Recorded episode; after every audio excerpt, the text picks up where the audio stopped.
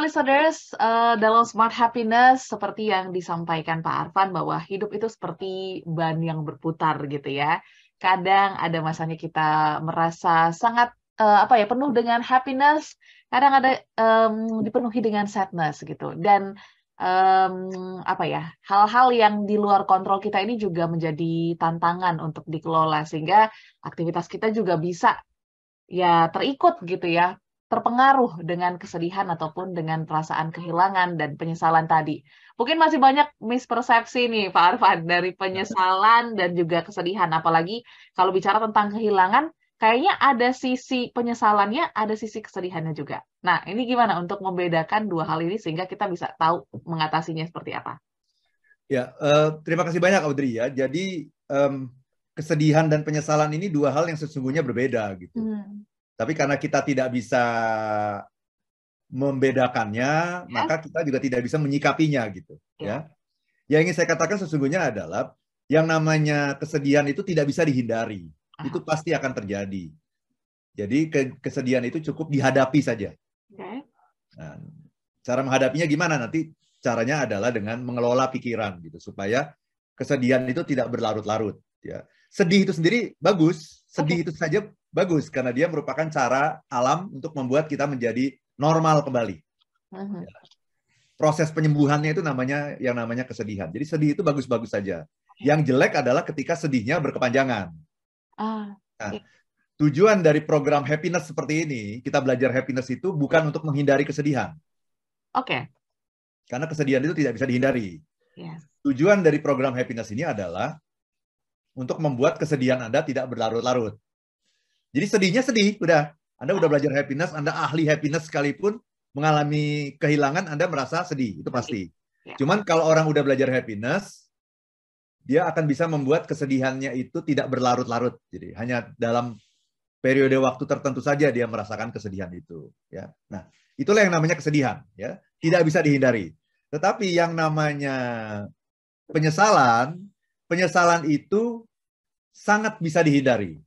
Okay. Karena penyesalan itu 100% buatan manusia. Uh-huh. Yang namanya penyesalan itu 100% itu. Kita yang buat. Uh-huh.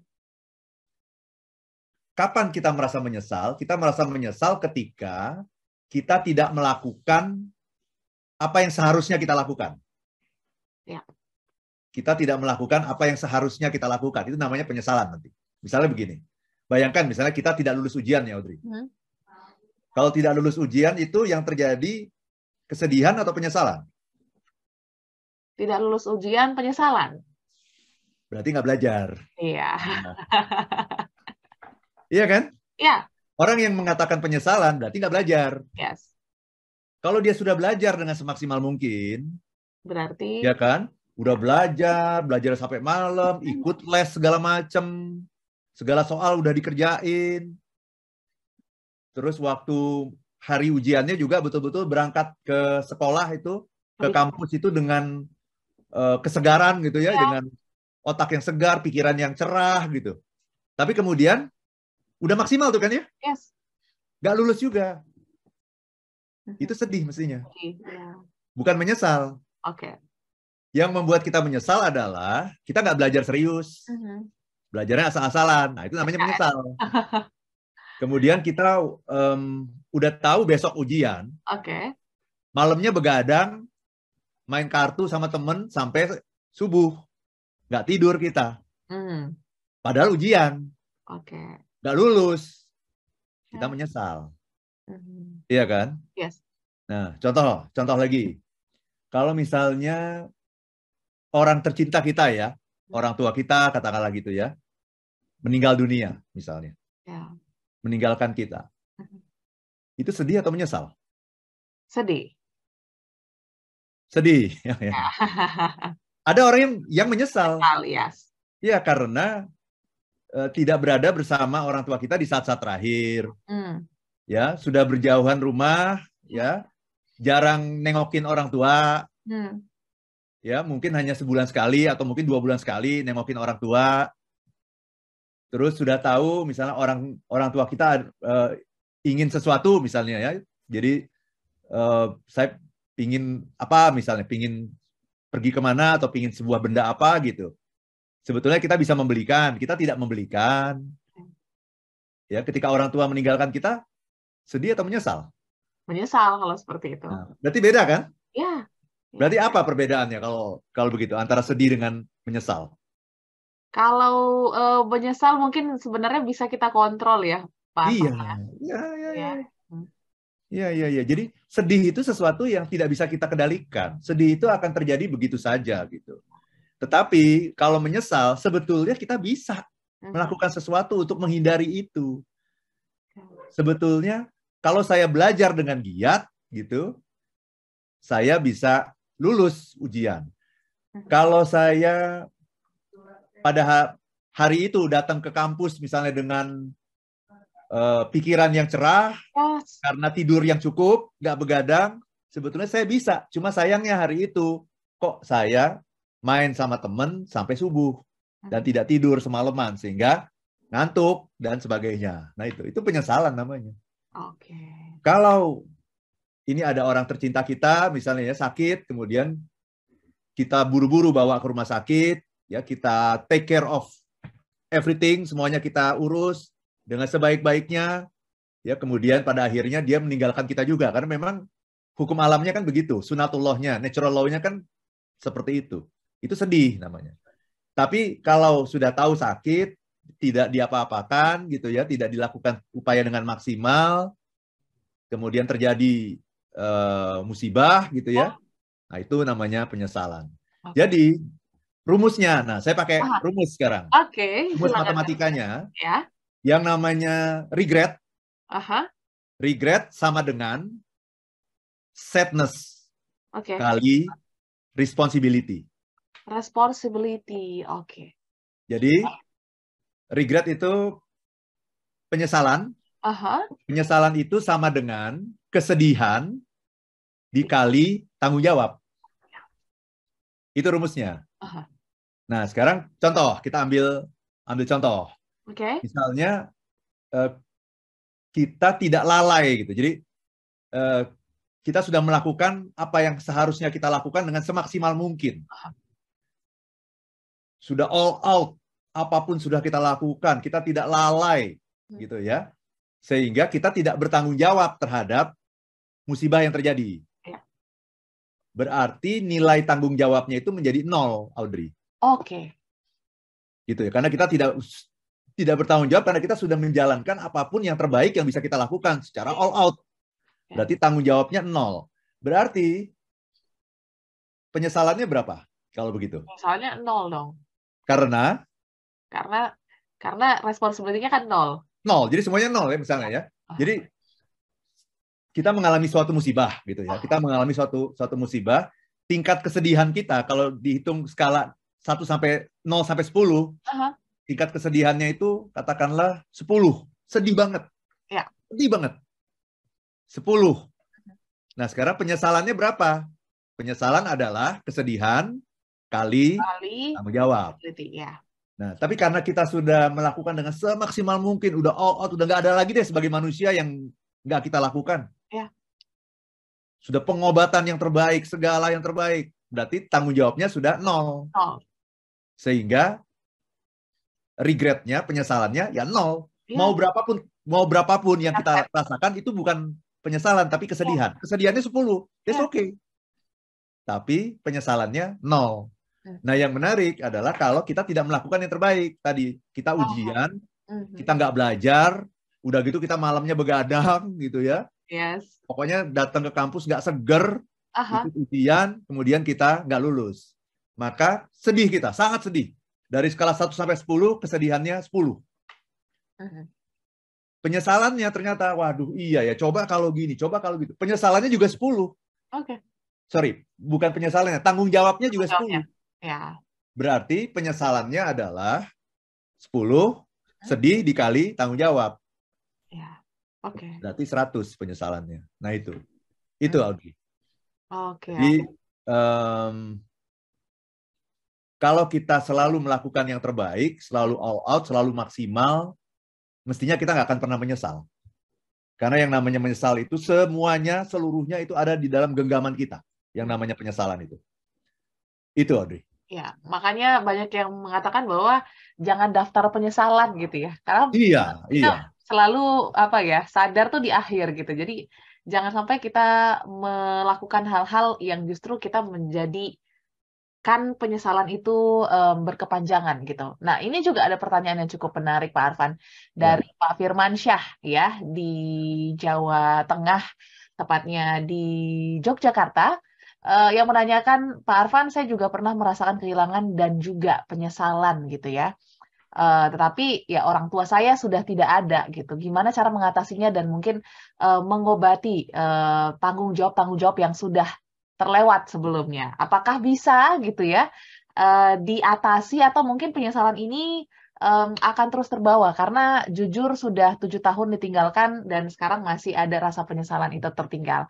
Nanti kita akan bahas Pak Arfan ya. dan juga small listeners yang masih bergabung masih kami tunggu respon Anda pagi hari ini silahkan di 0812 11 12 959. Masih ada satu sesi juga untuk kita ngobrol karena besok juga kita akan ketemu ya secara langsung bersama Pak Arfan di Hotel ya. Borobudur. Ya. Jadi eh, nanti kita akan ngobrol-ngobrol sedikit juga tentang event besok. Jadi pastikan tetap bergabung bersama kami dalam Smart Happiness. Terima kasih Smart Listeners masih Anda dengarkan Smart Happiness pagi hari ini uh, membahas tentang kesedihan yang pasti ini cukup menarik ya dan menjadi isu yang juga uh, harus kita dalami gitu. Karena dalam hidup uh, ada ternyata kesedihan-kesedihan yang tidak terhindarkan. Salah satunya mungkin proses kehilangan seperti Pak Firman Syah ceritakan ya. Tapi ini mungkin lebih ke penyesalan Pak Arfan ya. Karena yeah. Pak Firman merasakan mungkin kurang bertanggung jawab gitu ketika orang tua masih ada.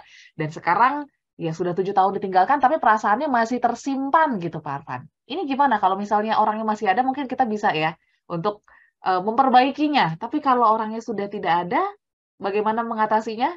Mungkin boleh kasih saran Pak Arfan? Ya susah. Oh, Oke. Okay. Itulah yang namanya penyesalan gitu. Yeah. Penyesalan itu akan terbawa sampai kapan pun. Yes. Karena kita itu penyesalan itu kan kita selalu berandai-andai mhm. -huh. dengan kata-kata coba kalau Ya. Coba kalau saya begini, coba kalau saya begitu, itu ya. Dan berandai-andainya itu selalu ke masa lalu kan. Yes. Padahal masa lalu itu kan tidak bisa kita ulangi karena masa lalu itu kan sudah mati, sudah selesai, sudah final, sudah finish gitu. Yang namanya masa lalu itu. Jadi ya kita tidak bisa meng, me, apa ya mengobati penyesalan, mm-hmm. nggak bisa. Ya, kita bisa mengkompensasikan misalnya dengan melakukan sesuatu yang lain gitu ya, mengkompensasikan. Tapi penyesalan emang nggak bisa diobati sih, gitu ya. Jadi makanya dengan kesadaran seperti itu yang ingin saya bangun sebetulnya uh-huh, uh-huh. dalam uh, talk show kita di pagi hari ini, lakukan sesuatu itu maksimal deh. Jangan pernah tidak melakukan sesuatu dengan maksimal kerjakan semua PR kita. Dalam hidup kan kita punya PR kan? Yes. Kerjakan semua PR kita. Karena eh, ketika kita tidak mengerjakan PR kita, ketika kita tidak maksimal, ketika kita menganggap remeh sesuatu, ketika kita lalai, ujungnya pasti penyesalan. Dan penyesalan itu nggak ada obatnya itu sayangnya. Uh-huh, uh-huh. Diapain pun nggak bisa. Dikompensasikan dengan sesuatu bisa, tapi tetap tidak membayar gitu. Ya. Dan tadi kalau misalnya Pak Firman tadi sampai sekian tahun masih merasa menyesal berarti ya harus harus dicari itu kenapa bisa merasa menyesal dan ujungnya nanti ya memaafkan diri sendiri sih sebetulnya oh, bagaimana kita bisa memaafkan diri sendiri nah itu karena tanpa kemampuan memaafkan diri sendiri ini adalah sesuatu yang tidak akan pernah selesai sampai akhir hayat kita gitu hmm. karena yang namanya penyesalan itu kan kita menyalahkan diri sendiri kan ya saya sih jadi kayak kita ngomong sama diri sendiri gitu. Kamu sih nggak begini. Kamunya itu adalah saya sebenarnya. Gitu. Kamu sih nggak begini. Kamu sih terlalu egois. Kamu sih lalai. Kamu sih nggak ngerjain PR kamu gitu. Itu kan nggak akan pernah selesai. Jadi nanti ujungnya apa ya? Ya belajar memaafkan diri sendiri. Nanti kita bahas dalam satu tema tersendiri nanti. Gimana caranya memaafkan diri sendiri. Gitu. Ya. Itu sih yang namanya yang namanya penyesalan. Tapi betul seperti Audrey bilang. Jadi yang namanya sadar itu harusnya di awal gitu. Nah, iya. sering kali kita sadarnya di akhir. Iya. Nah, dengan talk show pada pagi hari ini, mudah-mudahan semua yang mendengarkan talk show ini itu sadar di awal. Mm-hmm. Ketika kita setengah-setengah, nggak ngerjain PR, nggak maksimal, nggak all out, pasti menyesal. Itu Audrey. Dan sedih itu biasa. Ya, sedih itu biasa. biasa. Sedih itu tidak terhindarkan, tapi nanti akan bisa terobati seiring dengan berjalannya waktu. waktu. Menyesal enggak? Kenapa? Karena menyesal itu 100% bisa kita hindari. 100% bisa kita hindari. Menyesal itu sepenuhnya buatan tangan kita itu yang namanya menyesal itu. Itu buatan tangan kita. Nah, kalau kita udah menyadari dari awal, mudah-mudahan tidak ada yang namanya daftar penyesalan. Amin. Daftar kesedihan bisa, itu nggak apa-apa. Itu adalah bagian dari kehidupan. Kesedihan itu adalah bagian yang normal, yang wajar, yang natural dari kehidupan. Tapi penyesalan tidak. Ya. Penyesalan itu bukan bagian yang normal dari kehidupan. Penyesalan itu nggak normal gitu. Itu Audrey. Ya, semoga setelah mendengarkan uh, insight ini banyak dari kita yang langsung menceklis PR-PR kita ya Pak Arfan ya jangan. Ya, yang diceklis PR-nya, jangan nanti yang, yes. yang bikin checklist penyesalannya. Penyesalannya. Aduh. Oke. Okay. PR kita, kerjain semua. Benar, ya. harus dicicil gitu ya supaya tidak menyesali kemudian hari. Oke, mungkin satu lagi Pak Arfan ya. Ini kita ke Palembang ada Ibu Dewita. Selamat pagi Ibu Dewita. Yang mengatakan Pak Arfan banyak orang bilang kita harus mempersiapkan kesedihan gitu ya. Sebenarnya eh, mempersiapkan kesedihan ini seperti apa sih? Apakah kita harus um, melalui proses-proses ya menerima kesedihan atau mungkin mendengarkan cerita kesedihan sehingga kita nanti lebih mudah untuk ya mengelola kesedihan ketika itu terjadi sama kita. Ya, betul sekali kalimatnya itu mempersiapkan. Mm -hmm. Karena itu pasti terjadi. Yes. Karena itu pasti. Jadi kalau Anda mempersiapkan diri, nggak akan sia-sia. Mm -hmm. Jadi yang namanya mempersiapkan itu kan sebelum terjadi kan? Ya. Nah makanya eh, contohnya nih, salah salah satu contoh persiapan ya saya punya workshop nih nanti di tanggal 8 April nih. Oke. Okay. Judulnya The Art of Dying. Wah, pas banget nah, nih. Itu ya. Jadi seni mempersiapkan diri menghadapi kematian. Kematian, gitu. ya. Kematian itu nanti bisa kitanya yang meninggal, Atau... bisa orang yang kita cintai yang meninggal gitu. Tapi kita harus mempersiapkan diri. Jadi bahasanya betul, betul sekali tadi, mempersiapkan diri. Mempersiapkan diri. Karena itu pasti terjadi. Jadi kalau Anda sudah siap, ya ketika terjadi, kita tidak begitu terpukul gitu karena kita sudah mempersiap, mempersiapkan diri. Sedihnya iya pasti sedih lah, tapi tidak terpukul. Itu dua hal yang berbeda ya Audrey ya. ya. Orang yang sedih, orang yang terpukul adalah ketika dia belum siap. Mm-hmm. Tapi ketika dia sudah siap, maka sedih saja. Okay. Tapi tidak terpukul. Sedih. Tapi kalau belum siap itu terpukul. Nah, salah satu cara mempersiapkan diri adalah ikut workshop ini nih, di Art of Dying, 8 April. Oke. Okay. Boleh hubungi ke mana, Pak Arfan? Mungkin sekalian info? Ya, hubungi ke 0812 12345 949. Saya ulangi ya. Okay. 0812 12345 949. Jadi ada uh, nanti ada di Art of Dying tanggal 8 April, tapi seminggu sebelumnya Audrey tanggal 1 April okay. ada lagi juga workshop saya Seven Laws of Happiness. Seven Laws of Happiness. Seven okay. Laws of Happiness, tujuh rahasia hidup yang bahagia. Nanti di tanggal 31 Maret dan 1 April 2020. Dua hari ya? Dua hari, Pak? Dua hari, dua hari ya. Dua Ini dua hari. Yang Art of Dying-nya satu hari. Satu hari. hari. Oke, jadi kalau Anda ingin belajar lebih banyak lagi, small listeners, mengenai seni happiness gitu ya, silahkan boleh langsung uh, hubungi nomor yang sudah disebutkan Pak Arfan. Dan besok juga kita akan ketemu nah, ini dia. Pak Arfan. Nah, iya, jangan lupa ini besok kita ada acara langsung nih. Yes. Ketemu langsung di Hotel Borobudur ya, Audrey ya, jam ya. 10 ya setengah sepuluh sampai dengan setengah dua kita akan seru-seruan gitu ya. Setelah mendapatkan insight nanti dari Pak Arfan kita akan lunch bareng kita akan main games. Jadi wah ini akan sangat menarik sekali. Sayang banget kalau dilewatkan ini. Jarang-jarang ya, nih kita punya acara kayak gini. Benar sekali Pak Arfan tapi sayang sekali kuotanya sudah sangat tipis sekali ya. Jadi ah. yang mungkin masih ingin mendaftar. Coba uh, Anda bisa chat di 0812 11 12 959 apakah masih ada seat yang tersisa gitu ya? Um, semoga masih ada satu atau dua dua ya. bangku lagi. Tapi yang pasti ini akan menjadi sangat menarik karena kita akan membahas happiness at work ya. Betul. Yang pasti uh, kalau Anda mendengarkan siaran-siaran kami yang beberapa bulan lalu kalau nggak salah ya, awal tahun, di awal tahun. Ya, awal tahun bahwa kunci produktivitas itu ya happiness gitu. Jadi Betul seperti apa nanti lebih dalamnya dibahas sama Pak Arfan di event kita di hari Sabtu besok. Jadi untuk Anda yang sudah mendaftar, jangan lupa persiapkan diri Anda dan jangan sampai terlambat nanti uh, ujung-ujungnya menyesal gitu karena nggak bisa mengikuti. Nah, ini ya ini ujungnya menyesal nanti ya benar itu tuh benar. benar banget. Ya, jadi jangan langsung mendaftar penyesalan ya, langsung siapkan alarm Anda bangun pagi dan berangkat uh, secara on time. Oke, Pak Arfan, mungkin kita bu harus bungkus gitu uh, perbincangan kita ya. pada pagi hari ini. Uh, kita membahas tentang menghindari kesedihan. Kita sudah paham gitu ya bahwa kesedihan ini ada yang bisa kita hindari dan ada yang tidak bisa kita hindari. Yang mungkin sulit, yang tidak bisa kita hindari. Bagaimana Pak Arfan untuk kita juga bisa tetap um, apa ya menerima karena kan kuncinya dari menerima dulu dan juga mengakui bahwa kita memang sekarang momennya lagi sedih. Prosesnya Pak Arfan sampai yeah. kita nanti selesai dengan proses kesedihan itu seperti apa mungkin sedikit? Ya, terima kasih banyak Audrey ya. Jadi apakah kesedihan itu bisa dihindari? Hmm? Kesedihan yang berasal dari cara berpikir bisa kita hindari. Ya. Tapi banyak sekali, sayangnya ya, sayangnya kesedihan itu banyak sekali dari hal-hal yang berada di luar kita, peristiwa-peristiwa yang ada di luar kita. Itu nggak bisa kita hindari. Yes.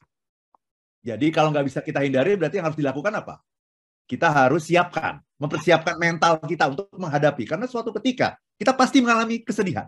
Karena kesedihan itu adalah bagian dari hidup kita. Selain ada happiness, ada sadness.